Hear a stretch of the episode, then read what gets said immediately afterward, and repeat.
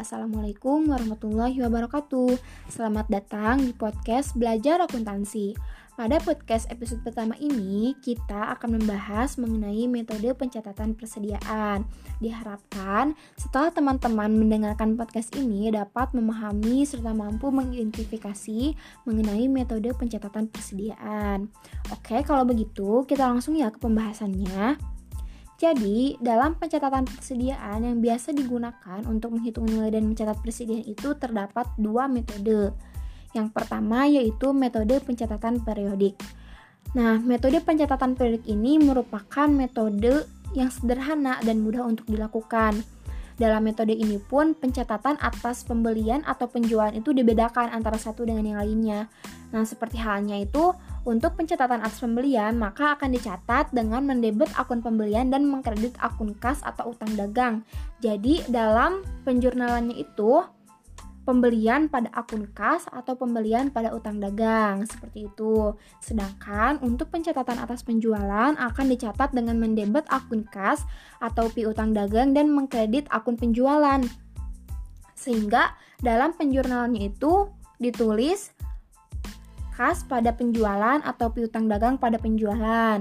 Nah, selain itu, metode periodik ini melakukan perhitungan fisik atau stock of name hanya satu kali saja, yaitu pada saat jumlah persediaan barang akhir saja. Sehingga karena hal tersebut, perusahaan kesulitan untuk mengetahui jumlah persediaan dalam waktu tertentu karena perusahaan hanya dapat mengetahui jumlah persediaan itu di akhir periode saja.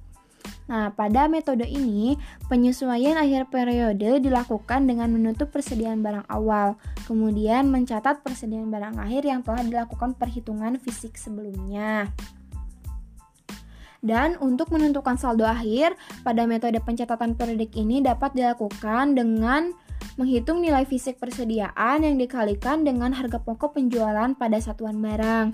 Nah, harga pokok penjualan ini dapat diperoleh dari persediaan barang awal dan data persediaan barang akhir.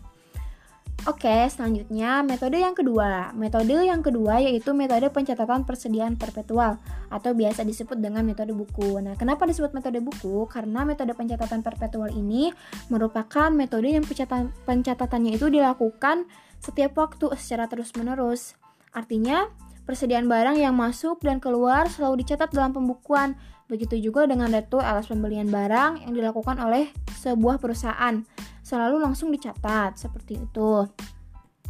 Nah, berbeda dengan metode periodik, dengan menggunakan metode perpetual ini, perusahaan itu akan lebih mudah untuk mengetahui persediaan barang yang sebenarnya sehingga untuk mengetahui jumlah persediaan barang akhir, perusahaan itu tidak perlu untuk melakukan perhitungan fisik pada persediaan yang tersisa karena pencatatannya sudah dilakukan secara berkala dalam penjurnalan. Nah, hal ini juga akan memberikan kemudahan untuk perusahaan dalam menyusun laporan keuangan, seperti halnya laporan posisi keuangan atau neraca dan juga laporan laba rugi. Oke, selanjutnya yaitu untuk pencatatan persediaan barang dengan dagangan dapat menggunakan tiga metode. Yang pertama yaitu metode LIFO. LIFO itu apa sih? LIFO itu merupakan singkatan dari last in first out, yaitu arus biaya yang keluar merupakan arus biaya yang masuk terakhir, sehingga biaya yang tercatat pada akun persediaan adalah biaya yang terlebih dahulu masuk, seperti itu. Yang kedua yaitu metode FIFO. FIFO adalah singkatan dari first in, first out, yaitu arus biaya yang keluar merupakan arus biaya yang masuk terlebih dahulu, sehingga biaya yang tercatat pada akun persediaan adalah biaya yang terakhir masuk. Dan yang terakhir yaitu yang ketiga, metode average. Metode average ini merupakan arus biaya yang keluar itu dari rata-rata biaya yang terjadi.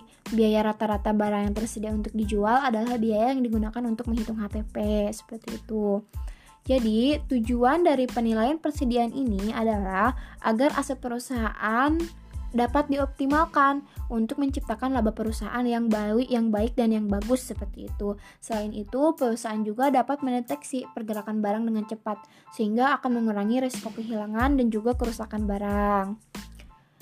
Seperti itu teman-teman, demikian pembahasan mengenai metode pencatatan persediaan ini.